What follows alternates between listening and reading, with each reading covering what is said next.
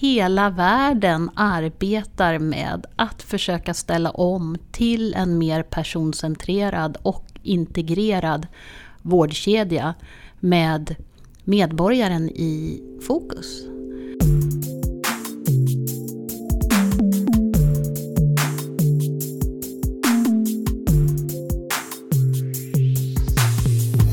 Hej och välkommen till FoU-podden.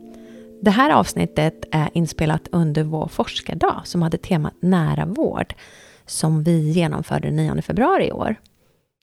Och i podden kommer du att få höra intervjuer med föreläsare och lite ljudklipp från föreläsningarna. Och med mig nu är Marina Arkakangas som är chef på FoU Sörmland. Och eh, Marina, du kan väl börja med att berätta vad var syftet med den här dagen vi genomförde? Eh, ja, man kan väl säga så här att eh, lite kortfattat så, så var ju syftet med dagen helt enkelt att lyfta forskningen och forskningens roll utifrån de utmaningar som vi har, men också i det arbetet som ska göras i och med omställningen till nära vård. Och eh, vi arrangerade dagen utifrån att vi ville lyfta in olika forskningsprojekt som pågår både i Sörmland men också lite utblick utanför Sörmland för att belysa eh, hur viktigt och eh, att vi kan göra mycket arbete tillsammans. Så ett stort fokus var på samverkan också, att tillsammans så kan vi göra så mycket mer. Mm. Men ska vi börja med att lyssna lite på intervjuerna och på ljudklippen? Ja. Hej, vem är du?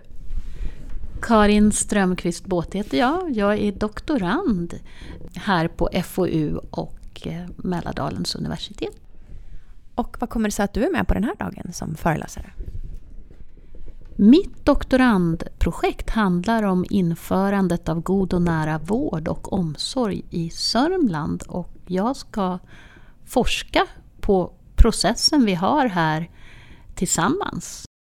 Hur vi har tagit fram den här målbilden och hur vi ska införa den i praktiken. Och mitt mål med det här projektet är att vi ska demokratisera forskningen. Så alla ni där ute som jobbar med nära vård och i vård och omsorg är med i teamet och vi vill ta tillvara era tankar, synpunkter och erfarenheter.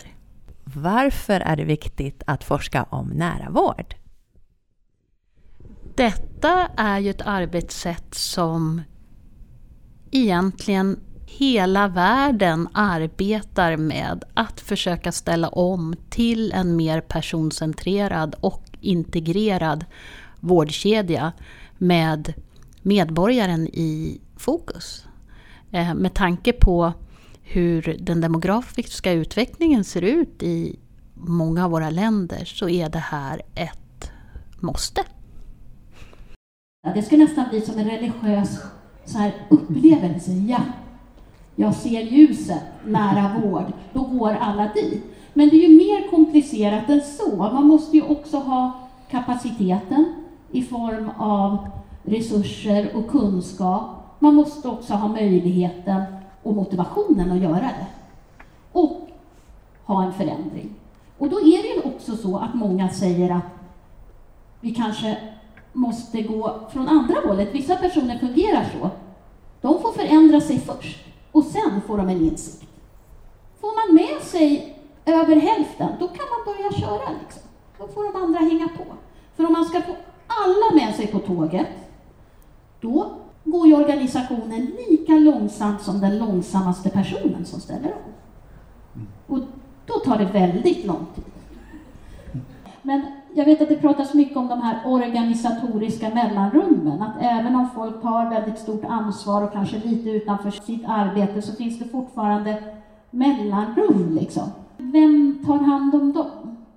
Och sen nära tycker jag är ett så spännande begrepp. Och jag förstår att det är meningen att man ska kunna tolka in mycket i närheten. Ja, SKR nickar. Men jag tänker liksom, det är så många dimensioner av nära. Det skulle vara spännande att bottna. Är det geografiskt, relationellt, tillgängligt. Och sen tänker jag på det här komplexa systemet. Vi är ett väldigt litet land och ändå då så har vi en stat, 21 regioner och 290 kommuner. Det är liksom som 300 huvudmän som ska skapa en Eller fast det kanske inte är så. De kanske inte ska skapa en jämlik och jämställd nära vård i hela landet. Den bollar jag till SKL. Jämlikt är ju inte samma sak som att det är lika till alla mm. hela tiden, överallt, jämt och ständigt. Mm. Det är olika, det är för att vi är olika som personer. Mm. Och de livsvillkor vi lever i och det vi vill med våra liv och de vägval vi gör och inte gör.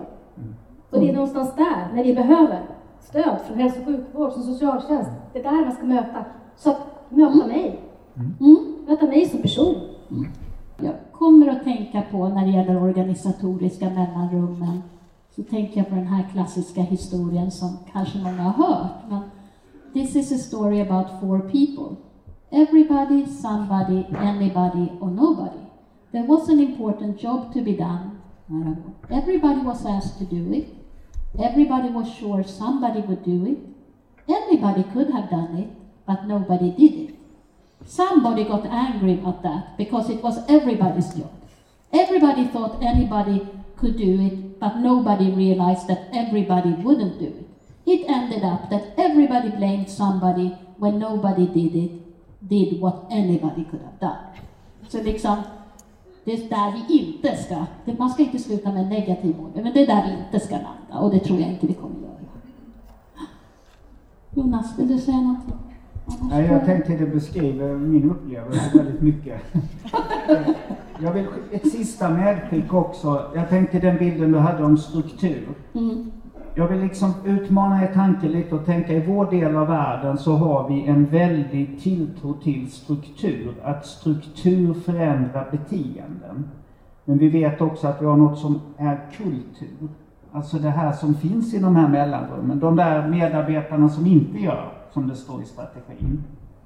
Så vad jag säger är, ha inte en övertro till att strukturen ska förändra kulturen och använd kulturen för att förändra strukturen. För det här med nära vård är väldigt mycket ett attityd och ett kulturbygge, lika mycket som ett strukturbygge. Så det vill jag skicka med, eh, så att vi inte överfokuserar på strukturen.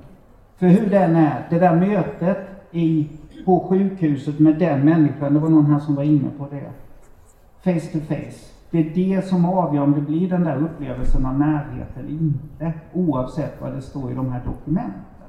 Så det är väl ett medskick, tänker jag, med från mig. Tack! Hej, vem är du? Jag heter Petri Olivius, forskningsdirektör i Region Sörmland. Och du har ju varit här och föredragit lite idag. Kan du berätta om vad du har pratat om? Jag pratade om eh, bakgrunden till att vi har nära vård i regionen tycker att det är så pass viktigt. Det går ju utifrån eh, ett övergripande perspektiv ifrån även vår forskningsöversikten från Vetenskapsrådet. Att nära vård har en stor betydelse och där så framkommer också vikten av att man har eh, forskning som en av kärnverksamheterna i regionen. Det kanske man måste tänka på även att, att nära vård är en eh, sådan, även om den inte har beforskats lika mycket som övrig regional verksamhet än så länge. Och ni har ju en massa forskningsprojekt på gång förstås hos er. Är det någonting som kan kopplas till nära vård där?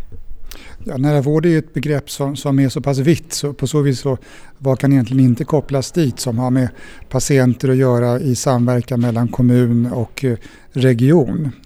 Så det är mycket av vår primärvårdsforskning som kommer eh, dit. Och där har vi ju flera projekt som eh, rullar. Sen har vi projekt där slutenvården kanske närmar sig primärvården och gör en del arbete. Det kan vara med urologi där man gör olika former av screening för prostata till exempel med appar som eh, görs.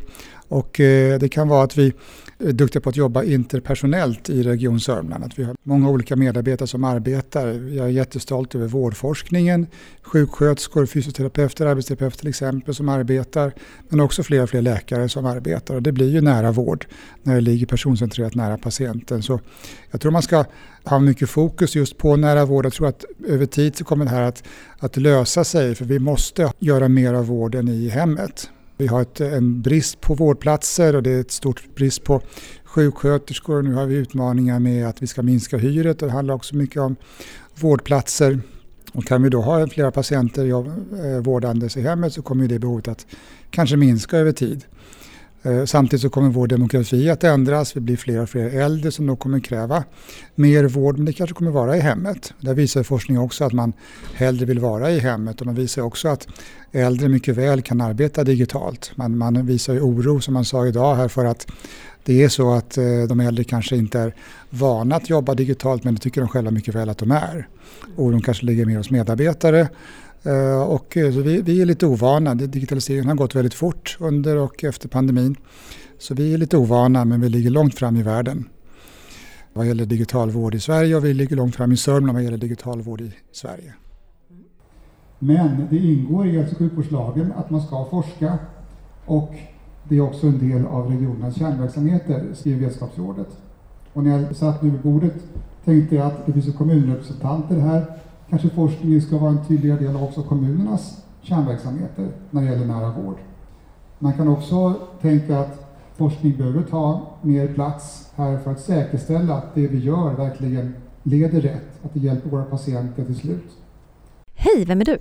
Jag heter Anna-Lena Almqvist och jag jobbar som docent i socialt arbete här vid Mälardalens universitet i Eskilstuna.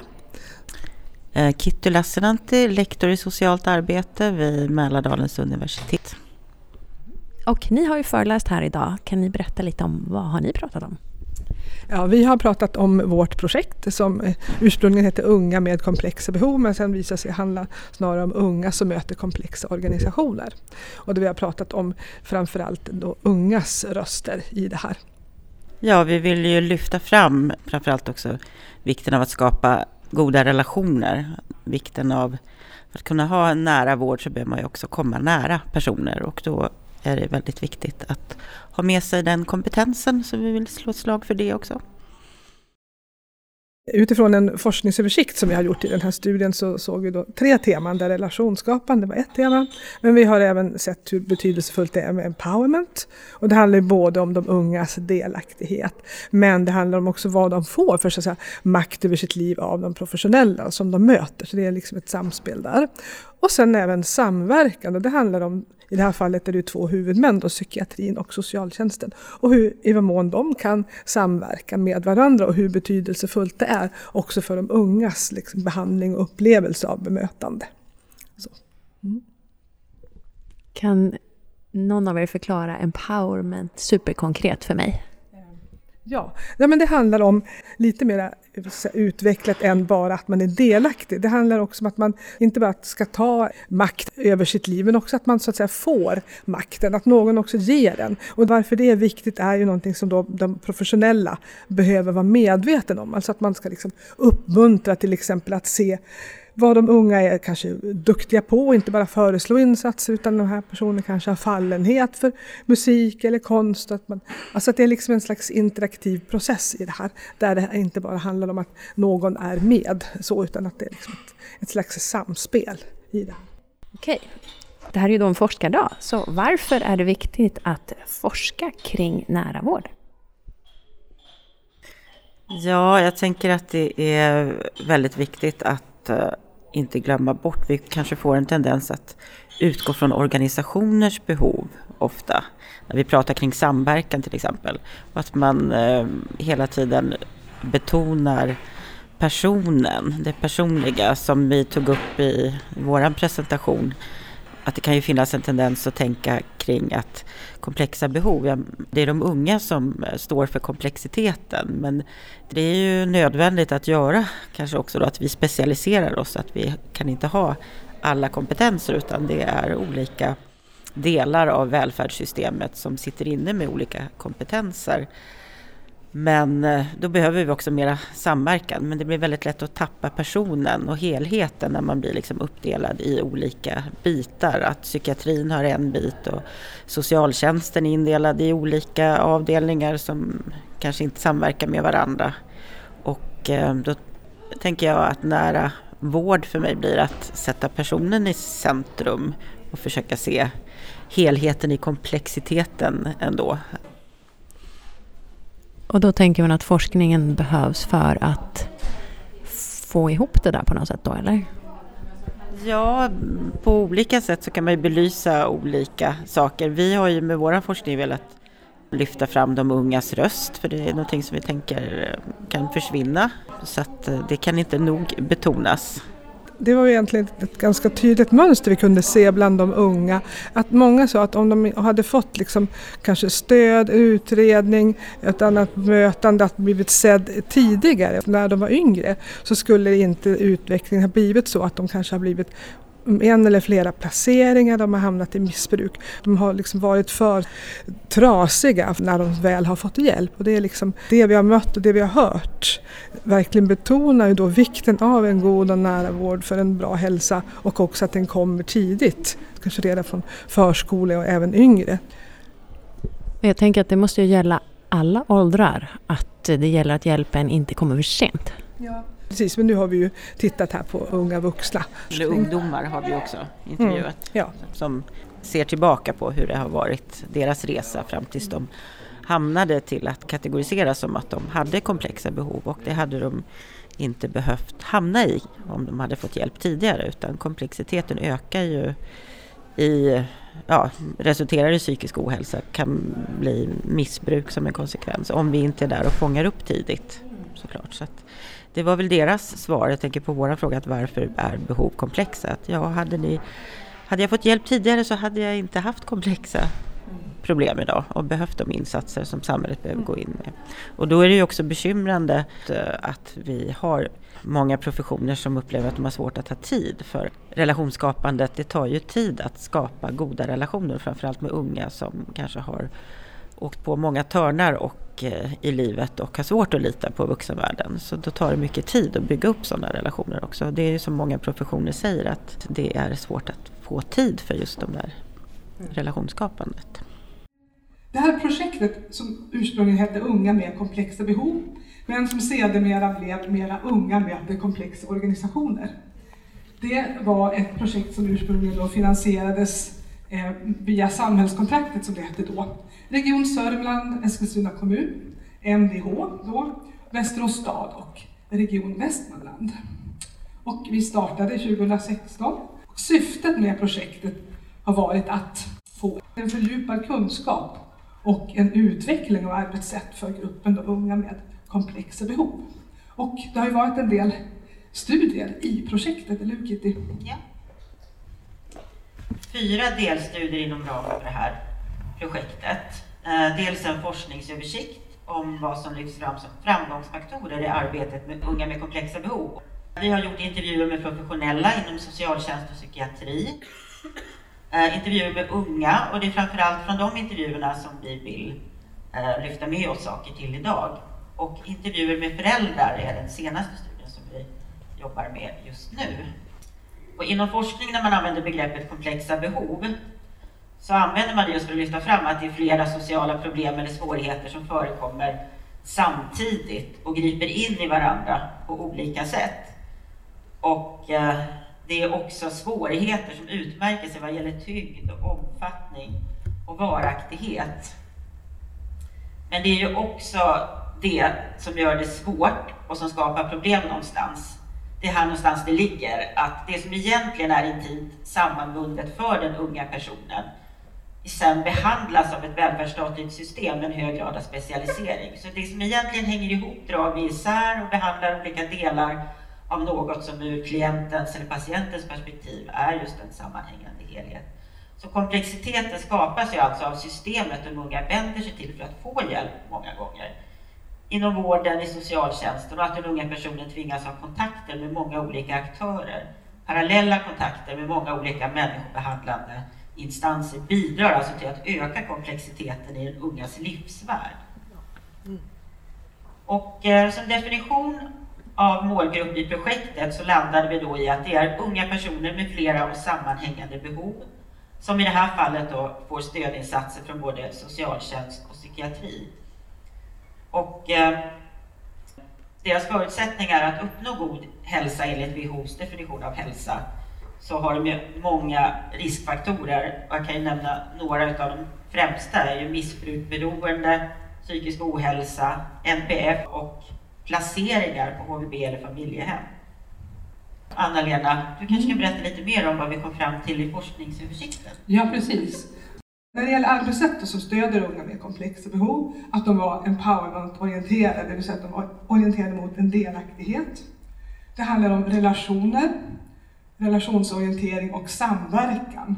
Och när vi pratar om samverkan så handlar det då om mellan organisationer och här framförallt mellan de två huvudmännen då, i det här fallet kommun och region.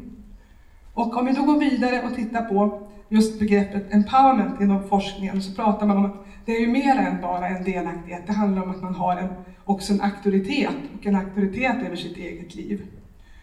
Och i mötet med de unga så handlar det om att de ska få möjlighet att artikulera sina åsikter och ta ställning till olika alternativ och göra egna val.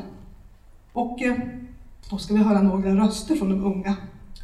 Och eh, Sandra här, hon bråkade ganska mycket med sin styvpappa. Och hon berättade att ja, i då sitt möte här med professionella, ja men vi ska hjälpa dig så att du inte blir arg.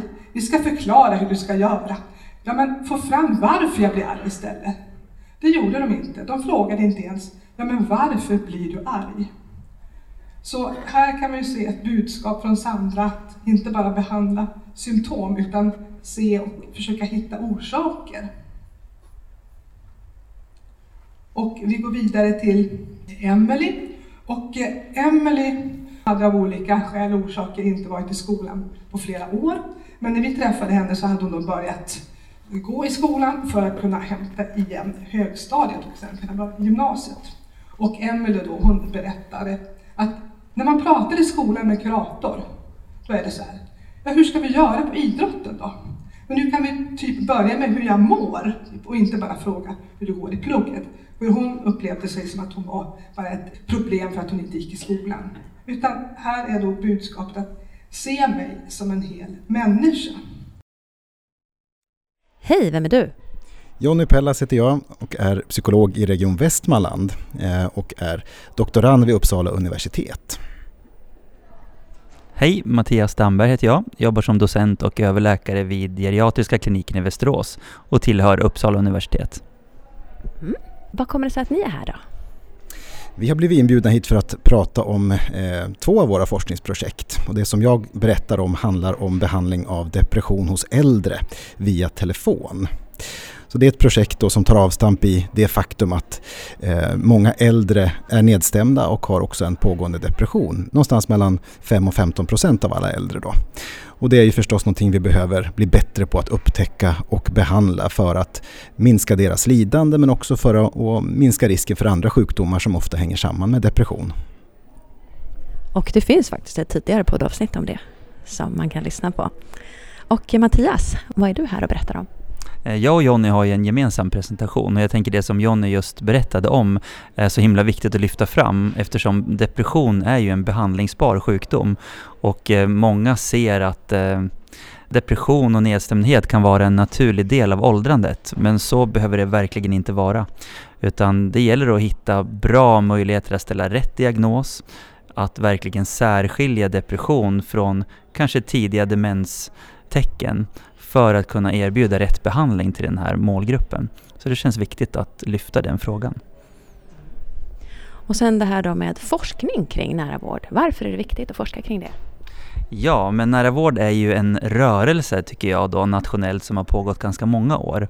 Och eh, man får komma ihåg att vårdutveckling är inte så himla enkelt utan det krävs både ett engagemang men det krävs också att man bygger det på hård fakta och evidens. Och därför så tycker jag att det är väldigt viktigt att forska både i specifika projekt som då involverar kommun och region och även patienter som medskapar projekten. Men det är också viktigt att forska på övergripande nivå kring själva processen, hur vi tar oss framåt. Och det vi bidrar med här, här är ju egentligen mer specifikt klinisk forskning för att kunna involvera både patient och kommun och region så att vi kan ta det här steget framåt. Så jag tycker det är väldigt viktigt att bygga evidens kring nära vård nu är jag part i målet eftersom de flesta tycker väl att sin egen forskning är viktig så att säga. Men eh, jag, jag, tycker att om jag spinner vidare på det Mattias berättar och utifrån vårt projekt så tänker jag att eh, vårt projekt där vi behandlar äldre med depression via telefon passar bra in i en nära vårdkontext just för att det är tillgängligt och det, det, det bryter en del barriärer. Många äldre får inte tillgång till psykologisk behandling på vårdcentral eh, av olika skäl. Eh, vi vet att många också kan dra sig för att söka det för att det innebär en resa att ta sig dit, ett projekt att komma dit, särskilt om man har funktionsnedsättningar till exempel. Så där kommer vi in med en, en metod som går att applicera ganska snabbt inom vården då. Eh, en behandling som består av fyra samtal och kan ges helt på telefon då. Det här är någonting som man måste vara ganska noga med att uppmärksamma. Just att en äldre person kan ha en depression eller annan psykisk ohälsa och det är någonting som vi kan göra någonting åt. Och ni som jobbar inom kommunen eller andra, del, andra delar av samhället, där finns det också en stor grad av den här gruppen. Så de finns inte bara på en plats i vårdkedjan, utan de finns lite överallt. Och det är väl det som vi har intresserat oss för kan man säga. Så vi delar på den här presentationen, så varsågod, du får köra på. Jag kör vidare. Jag tänkte mig att vi börjar med att rama in det här med vad vi menar med psykisk ohälsa. Det här med nedstämdhet, och depression eh, är inte kategorier utan det är ett spektrum snarare. Dimensioner vi pratar om.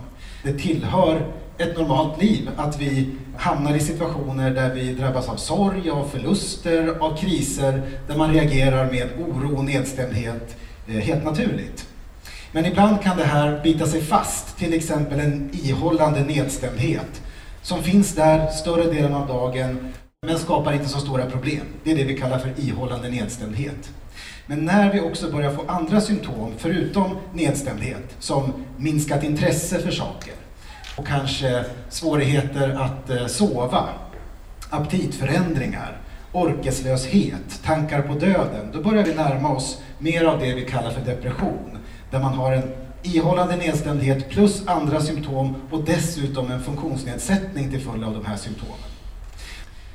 Vi vet också att eh, depression ökar risken för annat, särskilt hos äldre. Depression ökar risken för hjärt-kärlohälsa till exempel och för demenssjukdomar. Så det är en viktig preventionsstrategi att försöka komma åt den psykiska ohälsan för att kanske minska belastningen i andra sjukdomstillstånd som hör åldrandet till. Vi vet också att äldre, framförallt äldre män, är överrepresenterade när det gäller självmord. Och när man har tittat på studier på vad är det som möjligen förutsäger självmordsförsök och fullbordade självmord så är det oftast depression. Hej, vem är du? Jag heter Ulrika von Thiele-Schwarz. Jag är professor i psykologi vid Mälardalens universitet och forskar kring implementering. Och du ska också föreläsa här idag om implementering just. Kan du berätta lite om det du kommer tala om i föreläsningen? Jag kommer att prata en del om eh, de olika utmaningar som finns i implementering men kanske framförallt om vilka frågor man kan ställa sig som ökar sannolikheten att man faktiskt lyckas med att föra in det man vill föra in. Kan du avslöja några av de frågorna?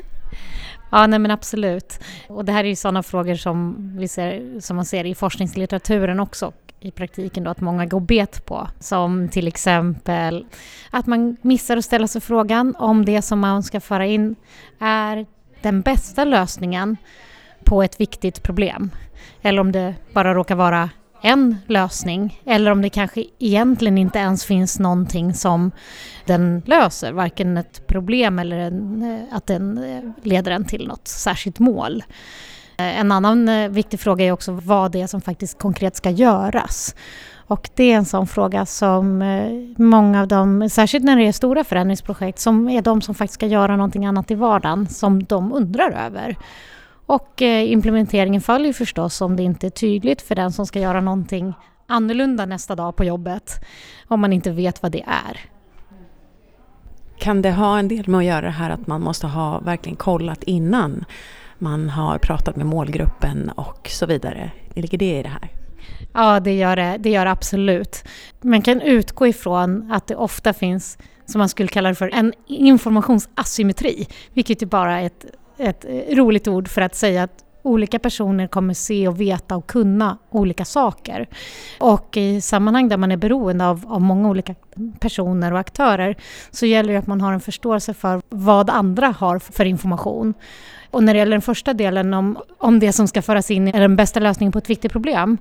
Vad som är ett viktigt problem behöver ju egentligen definieras utifrån den som lösningen är till för. Så emellanåt kan det ju vara så att den som fattar beslutet tycker att det är tydligt vad det är för någonting och varför det ska föras in. Men de som ska göra någonting annorlunda eller som det ska leda till nytta för delar inte den uppfattningen. Och då blir det jätteknepigt. Och på samma sätt så blir det jätteknepigt om man inte ta hjälp av dem som faktiskt ska göra någonting annorlunda för att förstå vad som kommer vara möjligt och vad som kommer underlätta och försvåra den förändringen. Det vet man inte på samma sätt om man inte finns i verksamheten. Så att implementering kräver i princip alltid att man samverkar på olika sätt. Det här känns ju redan som att det låter ganska nära nära vårdkonceptet. Men när det gäller just att införa nära vård då, kan du berätta lite om hur man skulle kunna implementera just det? Det man ska vara speciellt vaksam på när det gäller en implementering av något som är lite vagt i sin karaktär. Det framgår inte direkt av begreppet vem som ska göra vad. Då blir den frågan väldigt viktig. Att man verkligen gör en översättning till vad det är. Jag skulle också gissa att det blir väldigt viktigt att man faktiskt tittar på vad det är som man redan gör. För implementering blir ju det, den delen som inte görs i dagsläget. Så att man faktiskt ser så, vad är det som blir annorlunda? Inte bara vad det nära vård, utan vad är det som ska läggas till? Och vad är det som ska dras bort av det som redan görs? Så jag föreställer mig att det kommer vara en, att det är den typen av frågor som man behöver utforska och sätta fingret på för att man ska lyckas i implementeringen av nära vård. Projektet visade vilken betydelse det har när patienten även i ett sådant sammanhang är med i processen och förstår vad som händer. Till exempel så kunde vi se att när man började jobba tajtare tillsammans mellan professionerna på akutmottagningen så att flera runt patienten visste vad, vad det var frågan om, vad man höll på med, vad planen var under den här ändå avgränsade perioden. Men när folk runt patienten visste det så upplevde patienterna att väntetiderna var kortare. Även om de faktiska väntetiderna var de samma. Hej, vem är du? Hej, jag är Mikael Dahlén, ekonomiprofessor på Handelshögskolan i Stockholm med särskild inriktning på välmående, lycka och välfärd. Mm. Och du har ju varit här idag och hållit en eh, inspirationsföreläsning. Kan du berätta lite om vad den handlar om? På det stora hela handlar det om att forskning är världens bästa investering. För det får oss att göra så mycket bättre, inte bara på lång sikt utan faktiskt på kortare och kortare sikt också. Det kan tvärt vad en tänker få oss att göra bättre snabbare. Sen en liten framtidsspaning också om varthän samhället, ekonomin och, och våra liv är på väg. Och det har hänt väldigt mycket som vi kanske inte har tänkt på. En del vi, vi, vi förväntar oss skulle hända men som accelererades ordentligt med pandemin. Och en del som har tagit lite andra riktningar än vi trodde för bara några år sedan. Ja, du är då ekonomiprofessor i vanliga livet, om man säger så. Kan du berätta om vad den forskningen du håller på med där går ut på?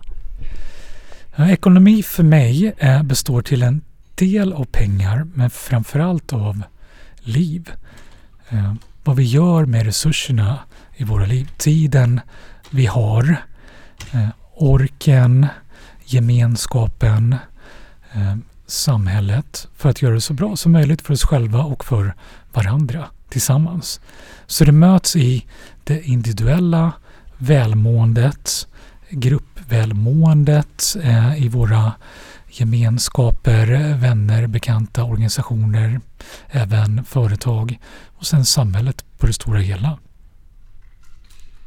Det låter lite flummigt, jag vet, men det har allt att, göra med hur lyckliga vi är just nu, eh, hur mycket vi orkar göra, eh, hur trygga vi känner oss, hur stort förtroende vi har för varandra, hur stor framtidstro vi har och en hel massa olika saker som kanske kan verka vara just olika saker men som ändå hänger ihop på en massa olika sätt och där pengar är en del i ekvationen men det är så mycket mer än vad vi gör med de pengarna för att få till det här på bästa möjliga sätt. Har du något så här superkonkret exempel på vad du har forskat om nyligen?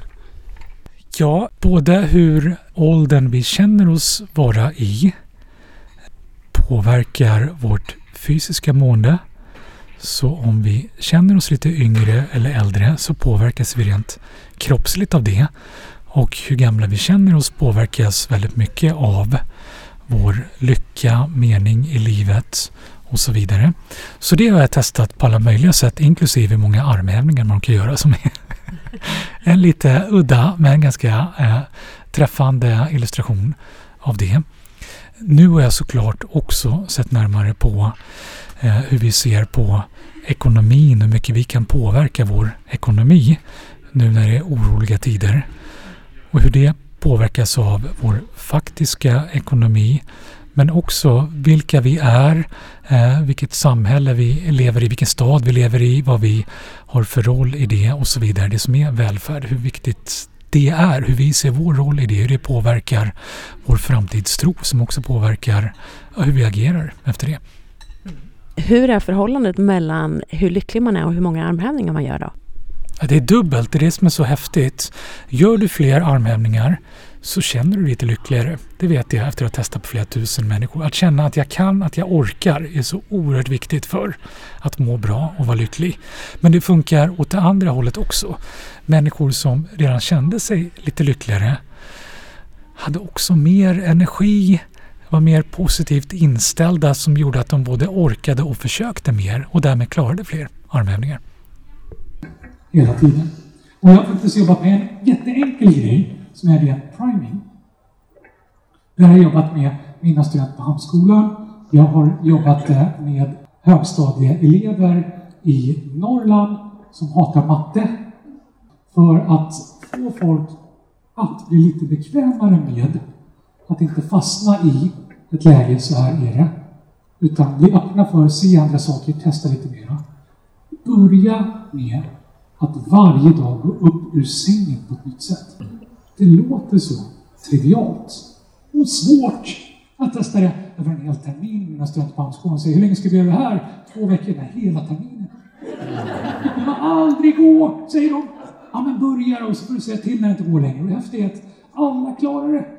Och det är så kul, de kommer under terminens gång så här glädje, så vet du hur jag gick upp i sängen idag? Ja, väldigt intimt kunskap om Och så har jag mätt deras kreativitet. Det finns ju sådana tester, föreningstester.